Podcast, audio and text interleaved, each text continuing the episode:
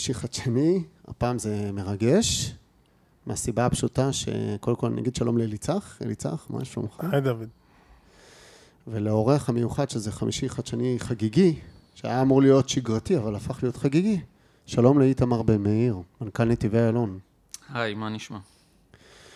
אז אנחנו קבענו ביומן חמישי חדשני, ופתאום זה הפך להיות ראיון פרידה?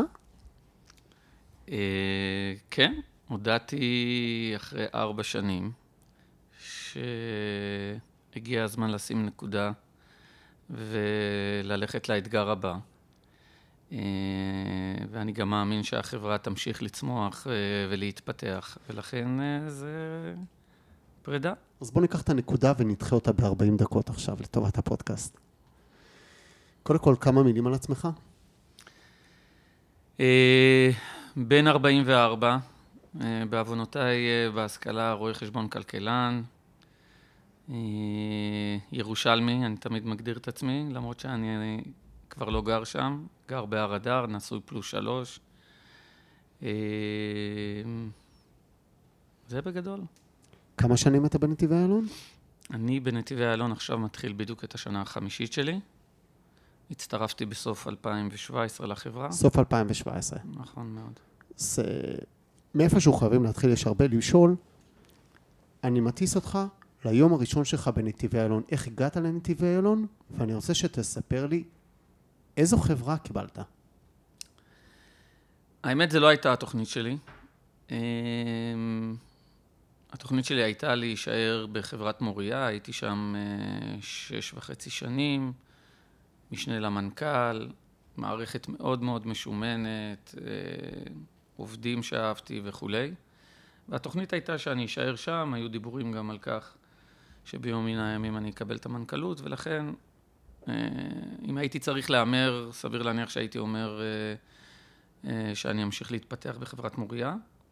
אבל אז יצא המכרז למנכ"לות של נתיבי איילון. באותם זמנים נתיבי איילון הייתה בהרבה מובנים אה, שק החבטות של כולם.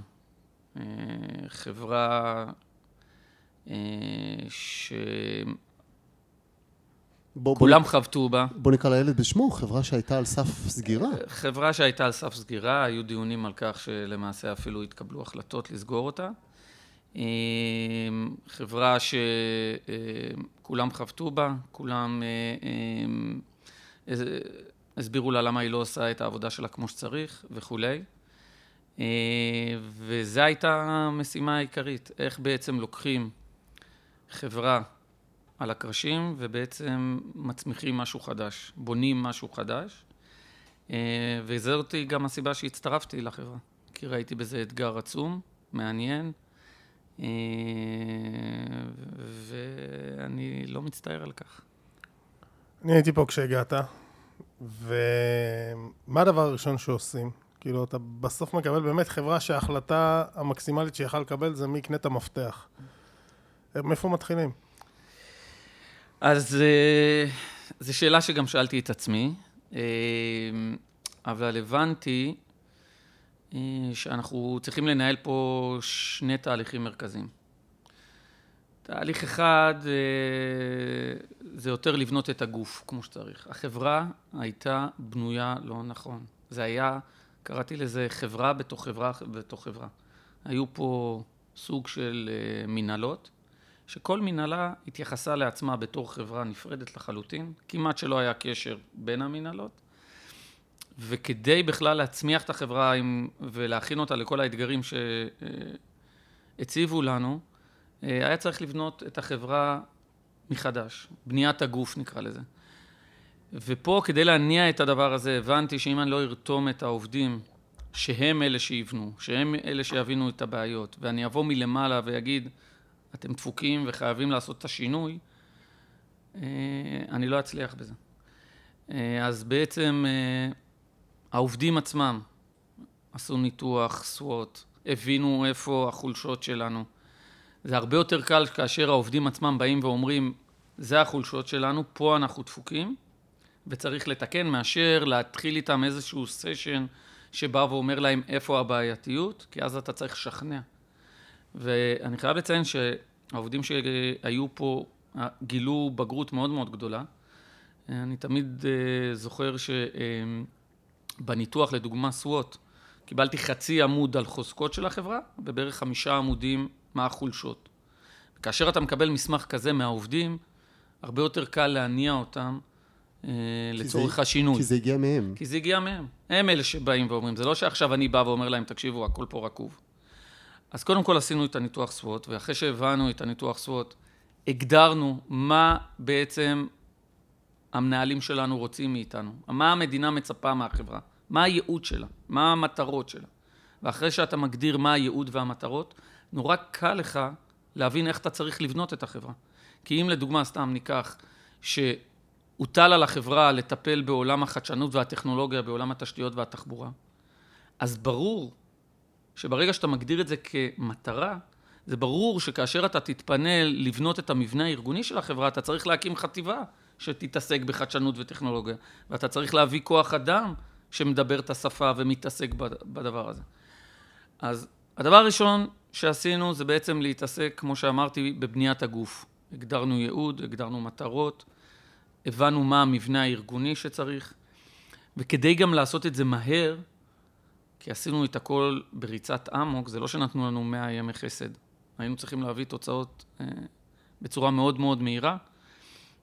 עירבנו את כל הגורמים, גם את משרד התחבורה, גם את משרד האוצר, גם את רשות החברות, גם את העובדים. כאילו יצרת לך אקו סיסטם שיתמוך? אז בדיוק, אתה, אתה משתף את כולם, זה היה תהליך שכולם הניעו ביחד, ולכן גם כולם נרתמו לזה. אני תמיד אומר, אני עד היום מתפלא שהכוכבים הסתדרו ואף אחד לא שם רגליים ולא אה, אה, ניסה לטרפד את זה. בהתחלה, באותה נקודה נכון, קריטית. נכון. ובאמת כולם רצו את טובת החברה ואת הצלחתה, ולכן זה גם מסתדר. אז זה וקטור אחד שהובלנו. אבל הוקטור השני, שהוא לא פחות חשוב מבחינתי, זה הוקטור של ה-DNA, של הנשמה. החברה הייתה, אה, אני אקרא לזה באמת אה, גופה מהלכת. אנשים הלכו פה אה, עם העיניים ברצפה, לא הייתה חדוות יצירה. לא נתנו להם לממש את עצמם. אה, ופה היינו צריכים לשנות את ה-DNA מהיסוד. איזה חברה אנחנו רוצים? מה הערכים שלה? אבל זה גם האנשים וההון האנושי. היו פה שינויים, גם, נכון? זה כמובן גם האנשים. אה, אין מה לעשות. שינויים כאלה צריך גם לרענן את השורות. בסוף אמרת לעצמך, אני צריך לגייס את האנשים הכי טובים למשימת אמוק הזאת. אז זה נכון. קיבלנו חברה של קצת פחות מחמישים איש, שחלק גדול מהם, לא שהגיל אה, קובע, אבל חלק גדול מהם נמצא כמה שנים לפני פרישה, שלא העלו להם את השכר 13 שנה, אז אין ספק שחלק מההתחדשות היה אה, גם להוציא חלק מהעובדים אה, לפרישה מוקדמת, וחלק גדול היה לגייס בעצם את הנבחרת שיש לנו היום בחברה, שהיא נבחרת מדהימה, עם DNA מאוד מאוד ייחודי. אני תמיד זוכר שבמכרזים הראשונים שהוצאנו, אז היו נרשמים שלושה, ארבעה אנשים, כי השם של החברה אה, לא משך. והיום כל מכרז שאנחנו מוצאים, אז אם יש לנו פחות מ-70-80 מתמודדים, אז אנחנו רגע שואלים את עצמנו מה קורה. אה, וזה פשוט מדהים היה לראות איך לא ויתרנו גם בדבר הזה. אמנם היה לנו פה ריצת אמוק גם בגיוס כוח אדם, אבל אם נבדוק ב, בהסתכלות לאחור כמה מהם נשרו או כמה לא התאימו בגיוסים, האחוזים הם מאוד מאוד קטנים. זה אומר שנעשתה פה עבודה מאוד מאוד יסודית. אז אני רוצה שנגע בנקודה הזו, כי בסוף אני חושב שהון האנושי הוא נקודה משמעותית. יושב פה המשנה שלך, אליצח, איתך כמה זמן מתוך, כמה זמן של נתיבי איילון? חמש שנים. כמעט, זאת אומרת, ביחד, פחות או יותר, נכון? כן, כשאני כן. הגעתי הוא היה פה עדיין. היה פה עדיין. אז, אז קח את אליצח כדוגמה, כי בעצם ניהלת חברה, הבאת אנשים, נתת להם מפתחות, נתת לו לפתוח זרוע חדשה שלמה, נגיד של חדשנות וטכנולוגיות. איך מבחינה ניהולית, מה אני כאיש קהילה יכול ללמוד על הסיפור הזה? איך, אה, איך הצלחת? אז, אז, הבאת... אני אגיד לך, אז אני אגיד לך ככה, תראה, היו פה עובדים שהיה ברור לי שאני מאוד מאוד רוצה אותם איתי, רוצה לשמר אותם, ההפך, רוצה לפתח אותם. היו פה צוותים שבזמנו הם לא היו בדרגים בכירים, אבל הון אנושי מדהים, שרק, שבאו לפה מתוך ציונות, שזה בדיוק מה שחיפשתי. לעשות. שבאו פה להשפיע על החברה שהם נמצאים, על הסביבה, על המשפחה שלהם וכולי, והבינו את גודל השעה ואת גודל המשימה שאנחנו בעצם אמורים להתמודד איתה. ואת האנשים האלה רציתי להעצים ו- ו- ולקדם. ולתת להם במה אה, להתבטא. לתת להם לעבוד. ובעיקר בדיוק, לתת להם כלים ולאפשר להם לעבוד. ולצד העובד, העובדים האלה הייתי צריך גם, גם לגייס כוח אדם נוסף. נוסף. עכשיו, כמה, תיקח... כמה אנחנו היום? כמה נתיבי היום? נדבר אנחנו כי אני מרגיש כל כך אה, חלק, אבל... נתיבי היום, נגיד את זה ככה, מונה כ-200 עובדים. בנוסף, יש לנו פה עוד סדר גודל של 50 איש שיושבים פה כדרך קבע והם... אה, אה, חלק מאיתנו בצורה מוחלטת. זה בגדול החברה עצמה. אנחנו לא צריכים, דרך אגב, אני, הנבחרת הזאת לא צריכה לגדול בעתיד בצורה דרמטית. כמובן שיש לנו פה אה, אגפים ואזורים שאנחנו צריכים לתגבר, אבל הייחודיות שלנו זה בגמישות שלנו, בזריזות שלנו, בזה שאנחנו נבחרת מאוד מאוד איכותית ומצומצמת, שיודעת להגיב מהר, שיודעת לחשוב מחוץ לקופסה, שיודעת לא לחשוב כמו חברה ממשלתית טיפוסית, ויודעת לדבר את שתי השפות, גם את השפה העסקית, את השפה של הסטארט-אפים, אבל גם יודעת לדבר את השפה הממשלתית. ועצם זה שאנחנו יודעים את שתי השפות הללו, זה הייחודיות של החברה. אני רוצה רגע לזרוק אותך למקום אחר. בסדר, אנחנו מדברים על לפני חמש שנים, שצריך להגיד לחלק מהאנשים תודה רבה, תמשיכו בדרככם לא איתנו, וחלק באמת, כמו שאמרת, צריך להעצים. אבל בסוף כמי שמכיר מי היה פה, היית צריך ללכת לישון בלילה לבד. כי גם לא הכרת פה אף אחד, זה לא שבאת והכרת את החברה ועבדת פה עם אנשים, כאילו כלום. איך הולכים לישון בלילה? אה, אז קודם כל לא ישנים הרבה. אה, אני מאוד מאוד מאמין בכנות ובאמירה של הדברים בצורה מאוד מאוד ישירה, וגם לעובדים שלא חשבתי שצריכים להמשיך איתנו, זה לא שמרחתי אותם או מכרתי להם חלומות. אה, תוך חמישה חודשים העמדנו ויישמנו כבר תוכנית פרישה מרצון, והעזבנו כמות לא מבוטלת של עובדים אה, בטוב. כלומר, אף אחד מאיתה, מהם לא לקח אותנו לבית משפט, זה אומר שכאילו עשינו את זה בצורה מכבדת, ועשינו את זה אה, בצורה שהם הרגישו שזה הצעד הנכון גם להם, ובמקביל בעיקר חשבתי איך אני מושך לפה אנשים שיבינו את הפוטנציאל. כי בינינו, מה שמכרתי להם זה חלום. אמ, מכרתי להם בעצם את אה, השינוי שהחברה הזאת עוברת, ואת האתגרים שהיא צריכה להתמודד איתם, ואיך היא הולכת להשפיע על כל החברה בישראל, וזה למכור חלום. ואני חייב לציין שזה גם, לאורך כל התפקיד, זה היה החשש הכי גדול שלי. שאני לא אתעורר בוקר אחד, או העובדים שלי יתעוררו בוקר אחד ויגיד להם... שמכרת להם חזון שלא קיים. בדיוק, ושיגידו לי, תקשיב, בינינו מכרת לי חלום. כלומר, פיזרת פה, או פיזרתם איזושהי אבקת קסמים, וציירתם לנו איזושהי תמונה, מצג אבל בינינו, יפה. בינינו, זה חלול. ואני חושב שאחד ההישגים שלנו, שהמציאות היא 180 מהחשש הזה. 180 מעלות מהחשש הזה. כלומר, אני כן חושב שמה שמכרנו לעובדים זה בדיוק מה שהתממש.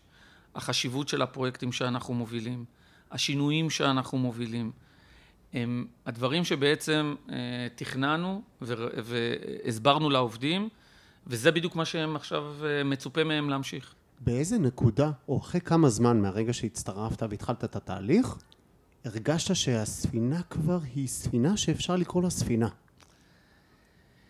אה, שאלה טובה. אה, תראה, אני אגיד ככה.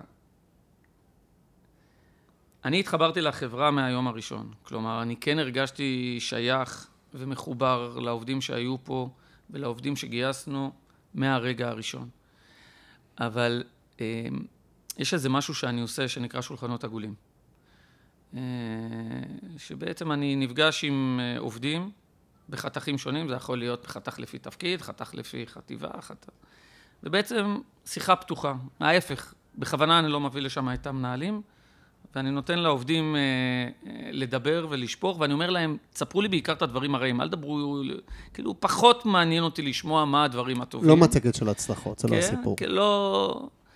ואני יכול להגיד לך שבערך אחרי שנה, במפגשים האלה, התחלתי לשמוע דברים שממש ריגשו אותי. כלומר, אם כאשר הגעתי לחברה, העובדים דיברו על החברה בגוף שלישי. חברת נתיבי איילון לא מאפשרת לי לעשות X, או אה, החברה אה, מציבה יעדים ולא עומדת בעצמה. ושתבין, מי שהיה אומר את המשפטים האלה, זה העובדים של החברה. והייתי תמיד אומר להם, תגידי, רגע, סליחה, אתה מדבר על חברת נתיבי, מי זה חברת נתיבי איילון? זה אתה. ואני כן יכול להגיד לך שבערך אחרי שנה... נוצרה זהות? נוצרה זהות, נוצרה מחוברות. פתאום אנשים דיברו על החברה ועל ה, על כמה אכפת להם מהפרויקטים וכמה הם מרגישים משויכים לחברה ואיך כל בוקר שהם קמים הם, יש להם חדוות עשייה. וזה הנקודה שאני חושב שאמרתי לעצמי, וואו, זה מתחיל להתגבש למשהו. מפה זה כבר מתחילה להיות חברה כמו שאני רואה לנכון. נכון מאוד. פתאום הרגשתי שהעובדים מרגישים את השייכות, הם מרגישים שחברת נתיבי איילון זה נבחרת, זה בית, זה משפחה, והבנתי שאנחנו בכיוון הנכון. אז לפני שנעבור רגע לדבר על החזון קדימה, כדי שנחתום את הפרק הזה, אני אתחבר למה שאמרת, בוא לא נדבר רגע על ההצלחות, אלא משהו אחד שאתה חושב שטעית והיית עושה אחרת, ואז נעבור לדבר על החזון. יש, א', יש הרבה. אה, אחד. אתה דוגמה לזה. ידעתי שזה יגיע, כששאלתי הייתי בטוח בתשובה. פרייסלס. אה, אני אגיד ככה, אני חושב... אה, אני חושב שאחת הבעיות שלנו, שהיא בעיה שעדיין לא פתרנו אותה שורשית, זה הבעיה של אחריות וסמכות שלנו, אה, והיכולת שלנו להסביר את זה גם למקבלי ההחלטות למעלה. כלומר, יש פער עצום בין האחריות שמוטלת עלינו בפרויקטים לבין הסמכות שנותן, שנותנים לנו. כלומר, הרבה אחריות ומעט סמכות. יש לנו את כל האחריות על הפרויקטים שלנו, וזה בסדר גמור. אבל תכלס, בפועל, הסמכות היא לא אצלנו. היא הרבה פעמים מאוד מאוד מבוזרת, היא הרבה פעמים לא נמצאת אפילו אצל מזמיני העבודה שלנו, אלא נמצאת אצל ראשי הערים, או אצל... אבל מה אתה יכלת לעשות יותר? היית צריך כאילו להגיד, אני מקבל את האחריות רק אם אתם נותנים לי את הסמכות? אני חושב שבסופו של דבר היינו צריכים לבוא... לדרוש יותר סמכויות? לד... היינו צריכים לבוא ואו לעשות תיקון חקיקה, או להביא, להסביר שבצורה הזאת זה ייקח הרבה יותר זמן. ולדרוש את זה, כמו שאתה אומר, ב-day one, כלומר ממזמין העבודה שלנו. אז בואו נסתכל רגע על החזון קדימה, נתחיל דווקא מהסוף. איך תראה ישראל תחבורתית ב-2040? אה, תראה, מה שאנשים קשה להם להבין, שנושא התחבורה הוא נושא, אה, אני קורא לו הרבה יותר פסיכולוגי מאשר תשתיתי. ואם אנחנו רוצים לא להמשיך לעמוד בפקקים שהיום אנחנו חווים, ב-2040 הרגלי הנסיעה שלנו יצטרכו להיות שונים לחלוטין. אמ, אני תמיד נותן את הדוגמה של אבא שלי. אבא שלי, שהיה חבר אגד, היה קם כל בוקר, שש בבוקר, עולה על הרכב, נוסע לעבודה, חוזר לערב חדש בחמש, זה היום שלו. כל בוקר, אותו נתיב, אותו דרך, אותו אוטו, אותו הכל. ועולם התחבורה משתנה לנו מול העיניים. כלומר... אה, כי החיים משתנים, נכון? גם כי אנשים משתנים וגם כי הכל משתנה. ועולם התחבורה הופך להיות אה, עולם של שירות ושל קשת של פתרונות ושל ביום א' אני קם ואני נוסע לעבודה בקורקינט וביום השני אני נוסע ברכבת קלה וביום השלישי אני אסע בתחבורה ציבורית וביום הרביעי אני אסע ב, אה, עם החבר שלי ברכב הפרטי בנסיעה שיתופית. ו... כדי שהדבר הזה יצליח צריך לקרות שני דברים. אחד, אנחנו צריכים לקדם קשת של פרויקטים שייתנו באמת אלטרנטיבה אמיתית לאנשים לרכב הפרטי. זה אומר יותר שבילי אופניים, זה אומר יותר תחבורה ציבורית, זה יותר, יותר נת"צים, זה יותר שילוב של טכנולוגיות, הרבה מאוד פרויקטים. אבל לא פחות חשוב מזה, זה גם סוויץ' שהציבור יצטרך לעשות ולשנות את הרגלי הנסיעה שלו. עכשיו, לנו אולי זה קשה לתפוס, אבל הדור הצעיר זה ממש ככה. כלומר, בסופו של דבר, מתוך האפליקציה שלו, הוא יבחר להזמין רכבת כבדה, כרטיס לרכבת כבדה, ושהקורקינט יחכה לו בתחנת השלום כדי לנסוע את הקילומטר וחצי עד למשרד. ולמה זה לא קורה? קודם כל זה מתחיל לקרות. אה, ודבר שני, פרויקטי תשתית מטבעם אלה פרויקטים שלוקחים זמן, אין מה לעשות. למה זה לוקח כל כך הרבה זמן? כאילו אמיתית, למה פרויקט תשתית צריך לקחת עשר שנים? אתה מסתכל דרך אגב בעולם, עוד פעם, זה לא שבעולם זה קורה ביומיים, אבל בנו לא מזמן באירופה גשר, אם אני זוכר נכון, בגרמניה, ב-48 שעות, בסדר? זה לא קורה פה במשך שנים. למה? כאילו, איפה אנחנו דפוקים? אמ, פה אתה נכנס לשאלה הרבה יותר מורכבת. אה, יש בזה הרבה מאוד רבדים. רובד אחד זה רובד שאני לא בטוח שהציבור ומקבלי ההחלטות מבינים באיזה משבר תחבורתי אנחנו נמצאים. כלומר, בהרבה מובנים, כולם מדברים על המשבר התחבורתי וכולנו חווים את הפקקים והכל טוב. האם אני באמת רואה שמקבלי ההחלטות מבינים, וגם הציבור דרך אגב, מוכן לשלם את המחיר כדי לפתור בצורה מהירה וחדה ו... את, את המשבר הזה, אני עדיין חושב שזה מתחיל ליפול האסימונים, אבל זה לא נפל, זה אלמנט אחד. אלמנט שני זה גם אה, צורת התנהלות. הנה, הרגע דיברתי, אחריות סמכות, אה, בעיה בין שלטון מרכזי לשלטון כן, מקומי. באתי להגיד שזה נוגע בדיוק בזה. אוקיי? כלומר, כדי להניע היום פרויקטי תשתית, אתה צריך לעבוד מול גופי תשתית, אתה אמור לעבוד מול uh, uh, הציבור, אתה אמור לעבוד מול uh, קבלנים, כלומר יש כל כך הרבה uh, uh, חסמים שבמדינה דמוקרטית אין מה לעשות, זה חלק מכללי המשחק, שלא תבין לא נכון, זה לא מרפה את ידיי או של העובדים שלנו, אבל זה מאוד מאוד מורכב. אני תמיד אומר, תנסה להקים גשר, גשר יהודית מעל נתיבי איילון, נשמע פשוט, אוקיי? בהרבה מובנים זה גם גשר שיש בו הרבה מרכיבים טרומיים, שאתה מביא כבר מוכן. אבל כאשר אתה צריך לסגור עורק אה, תחבורתי כמו נתיבי איילון כדי להרים גשר מהסוג הזה, אתה פתאום רואה את המורכבות של זה, ופתאום אתה רואה שאתה עובד מול רכבת, מעל רכבת כבדה, ופתאום אתה רואה שאתה עובד בטווחי זמן מאוד מאוד מצומצמים וכולי, ולכן זה מאוד מאוד אז, מורכב. אז אני רוצה שנייה לגעת בנקודה הזו. כל כנסת ישראל יושבת עכשיו מולך, ואתה אומר לה, תקשיבו, חמש שנים ניהלתי את חברת נתיבי איילון, הבאתי אותה מחברה א' לחברה ב'. וואלה, מהניסיון שלי אני רוצה לתת לכם שתי טיפים איך לשפר את כל הדבר הזה. אני לא מתכחש בעצם לבעיות של הבירוקרטיה. מה העצה שאתה נותן? עצת הזהב. בהיבט הזה. לשבור ולבנות מחדש? לא, א', קטונתי, כן? אני לא מרגיש שאני יכול להטיף לאחרים, אבל אני אגיד ככה. אני חושב שהתשובה אה, טמונה בכמה אלמנטים. אי אפשר רק משהו אחד. זה בעיה סבוכה עם פתרון שהוא גם מורכב. הדבר הראשון זה לייצר זהות אינטרסים. אני לא מאמין שאפשר לעשות מהפכה תחבורתית בלבוא מלמעלה. לא מאמין בזה. במיוחד מה שקשור לתחבורה ציבורית ותחבורה שיתופית. ולכן, אם אנחנו לא נשכנע את הציבור שזה הדבר הנכון, ואם אנחנו לא נשכנע את ראשי הערים שזה הדבר הנכון, זה לא יעבוד. ואין מה לעשות, שכנוע זה אומר לשלב כוחות, וזה לוקח יותר זמן, אבל זה הדרך היחידה, אחד. שתיים, אני חושב שבסופו של דבר צריך להקים פה גופים שמסתכלים בראייה מטרופולינית ולא עירונית. כאשר אה, אה, נוסע עולה בבני ברק על אוטובוס ועובר את בני ברק ואת רמת גן ואת גבעתיים ואת תל אביב, לא רק שהוא לא יודע שהוא עובר בין ערים, או מתי הוא עובר בין ערים, זה גם לא מעניין אותו וזה לא אמור לעניין אותו.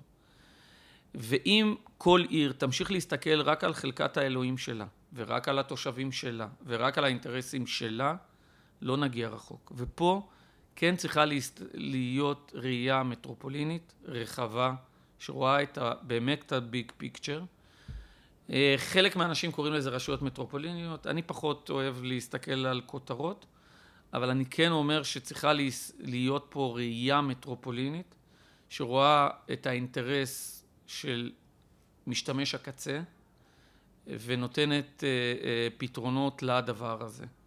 ועל ידי כך קצת להקטין את עוצמות הנימבי.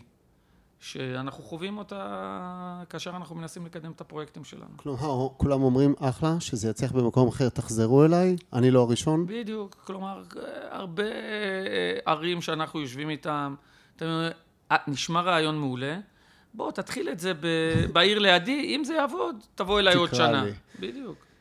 ככה נתיבים מהירים, זה חולש לאותן נקודות ולאותם פרויקטים מאוד גדולים שאנחנו מקדמים, נתיבים מהירים והנתיב המהיר. בכל זאת אני רואה את זה כבר מתחיל להתרומם. אז קודם כל זה מתחיל להתרומם. צריך להגיד, וגם את זה צריך, אפרופו לדבר גלויות, צריך להבין שבחמש שנים הקרובות לא יהיה יותר טוב מבחינה תחבורתית. אה, זה לא נעים לשמוע, זה קשה, הכל טוב, אבל זה האמת. אבל כבר אומרים את זה הרבה שנים. כבר אומרים את זה עשר שנים, שבחמש שנים הקרובות לא יהיה יותר טוב. אז אני אגיד ככה, קודם כל, אני חושב שהיום הותנעו כבר הפרויקטים שכן הולכים להביא את השינוי. אה, כמו שאמרתי, יש פה איזשהו חלחול והבנה את גודל המשבר, אה, ואני מאמין שזה רק ילך ויתעצם ויאפשר, אבל אני באמת חושב שבצד אחד צריך לבוא לציבור ולהגיד לו, תקשיב, בחמש שנים הקרובות לא הולך להיות יותר טוב. בוא נשים את זה על השולחן. אבל כדי שלא יקרה מה שעכשיו אמרת, שנעמוד פה עוד חמש שנים ונגיד עוד פעם את אותו משפט, אנחנו צריכים כבר היום לקדם את הפרויקטים שיוציאו אותנו מה... מהבעיה הזאת. עכשיו עוד פעם, זה לא שבעיית הפקקים הולכת להיעלם. בעיית הפקקים היא בעיה אוניברסלית שכל מדינות המערב חוות אותה, ובמידה מסוימת היא גם מצביעה על משהו טוב. היא מצביעה על ביקושים, היא מצביעה על חיים, היא מצביעה על זה שיש לך מרכזי תעסוקה מושכים, הכל טוב. מה שנדרש לעשות זה לייצר אלטרנטיבות. לייצר אלטרנטיבה לפקקים. שאותו בן אדם שיגיד, אוקיי, אני מוכן לוותר על הרכב הפרטי שלי ולהשאיר אותו בבית, נעמיד לו אלטרנטיבה אמיתית, ולא רק נצא בסיסמאות ונגיד, תשתמשו בתחבורה ציבורית. כי בואו נשים את הדברים על השולחן. היום, כאשר אני אומר לאנשים, תשתמשו בתחבורה ציבורית, להרבה מאוד מהם אין באמת אלטרנטיבה ראויה, אמיתית, שבאמת יכולה אה, להיות אה, יומיומית אה, אה, שתחזיק מים. אין. והפרויקטים שהיום אנחנו מובילים בנתיבי איילון באים בדיוק לתת את, ה, את אותו קשת פתרונות. אם זה רשת שבילי אופניים שאנחנו מקדמים באופני דן, אם זה פרויקט הנתיבים המהירים, שנקים את חניוני הענק בפאתי המטרופולין ונכניס שאטל, שאטלים חשמליים למרכזי התעסוקה. אם זה הרשת המטרופולינית שאנחנו מתחילים באמת לייצר חיבור. ראייה מטרופולינית ורשת נת"צים שבאמת תיתן עדיפות למי שיבחר לנסוע בתחבורה ציבורית. כלומר, כל הדברים האלה הם אבנים בתוך הפסיפס הזה, שייתן עוד חמש שנים, אני מקווה, פייט רציני לרכב הפרטי. טוב, בוא נפתח חלון. אנחנו בסוף בחמישי חדשני שהוא לקהילה הטכנולוגית. טכנולוגיה, נתיבי אלון, איפה זה התחיל בכלל? אוקיי, okay, אז קודם כל פה אה, אני חושב ש...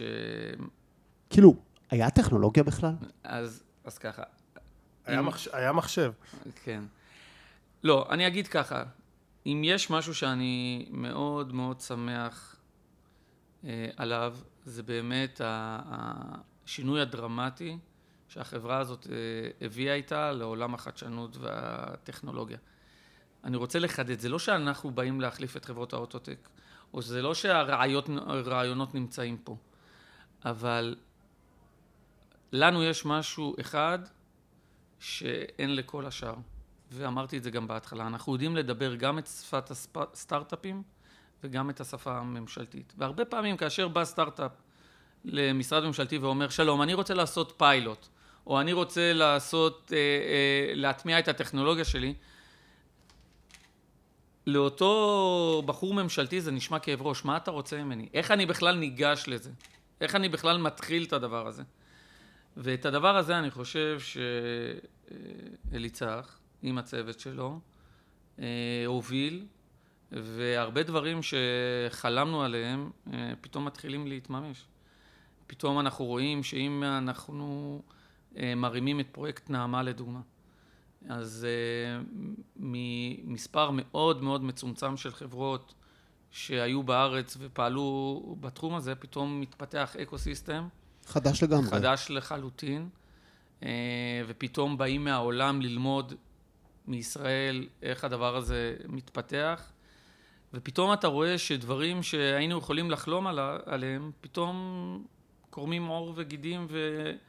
וקורים בשטח. זאת אומרת, באיזה שלב אתה ראית גם את הצורך של טכנולוגיה וגם את ההחלטה. הייתה החלטת ממשלה שאומרת, נתיבי איילון היא זו, עכשיו זה מדהים, זו חברה שכמעט נסגרה ופתאום היא זרוע ביצוע של משרד התחבורה לקידום תחבורה חכמה.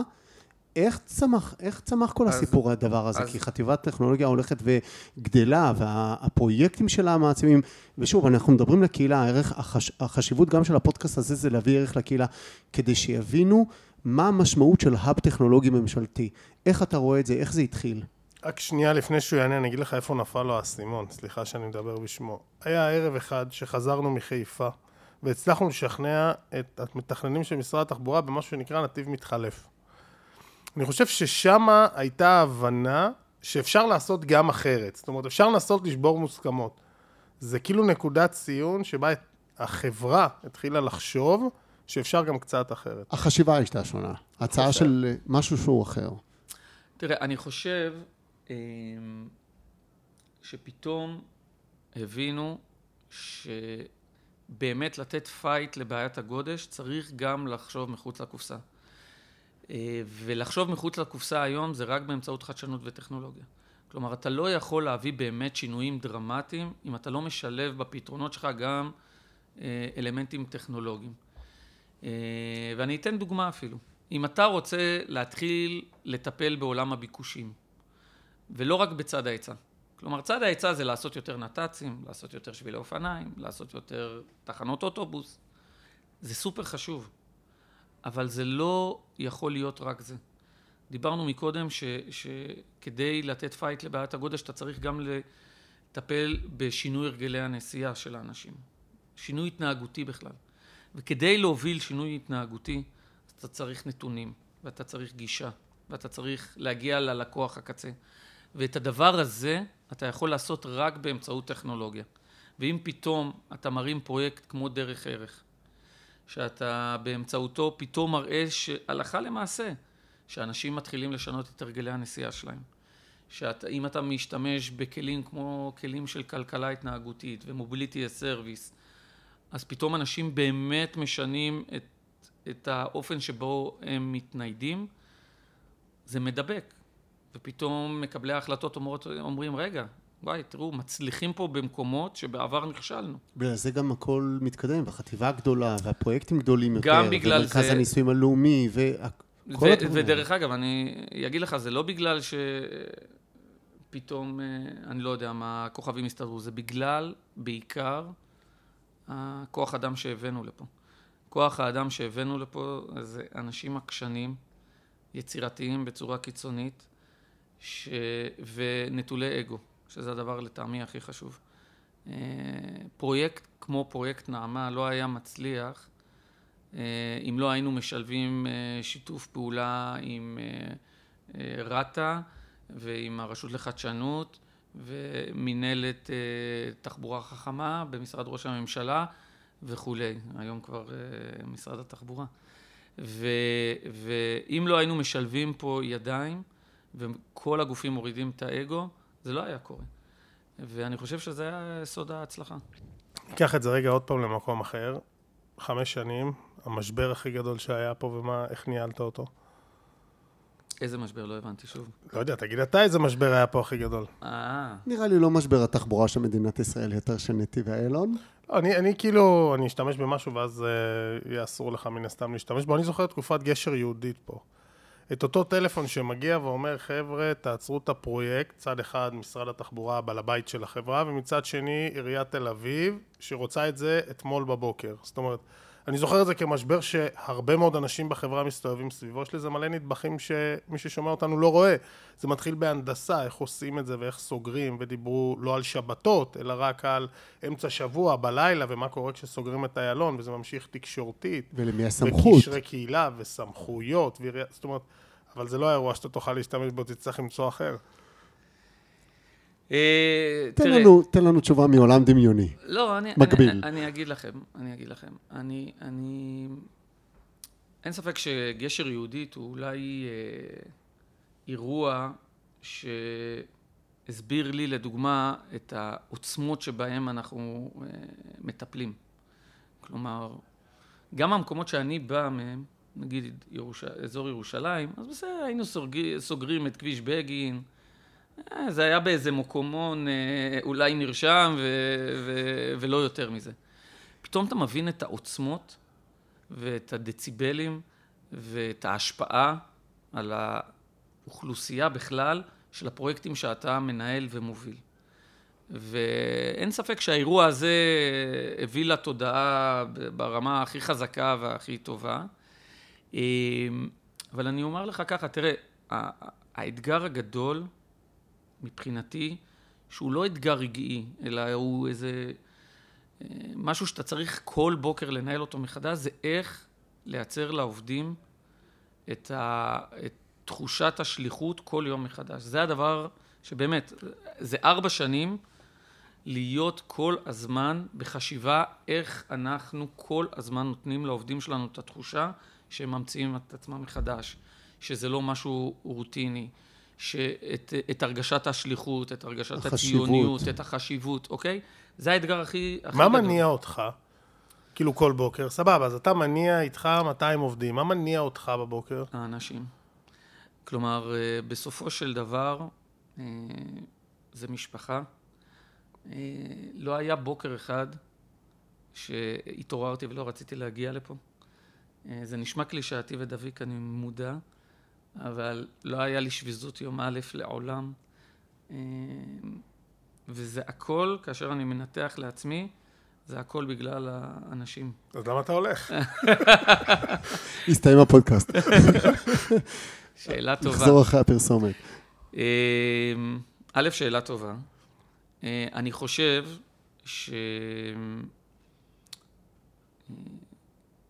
שאנשים צריכים ללכת לאתגר הבא שלהם כאשר הם בשיא, ולא כאשר זה דועך. עכשיו, זה קל להגיד, מאוד מאוד מאוד קשה ליישם, כי גם זה לא ברור לאנשים. הנה, אתה שואל אותי, אז למה אתה ממשיך? כי זה לא ברור, זה לא טריוויאלי. וזה לא שסיימנו את המשימות. ולחברה הזאת, כמו שלקחנו אותה מחברה של 300 מיליון והבאנו אותה למיליארד וחצי, אז אני מאמין שבשלוש שנים, אני לא מאמין, אני יודע שבשלוש שנים הקרובות האתגר יהיה לקחת אותה ממיליארד וחצי לשלושה מיליארד, כי זה מה שמצופה ממנה. ועם איכות כוח האדם שיש פה, אני בטוח גם שהיא תעשה את זה. אז לשאול למה? כי אני חושב שכחלק מתרבות ארגונית, זה גם התרבות הזאת, לדעת מתי לשים את הנקודה, לפנות את השטח ולתת למישהו אחר לקחת את זה ולהוביל את זה הלאה.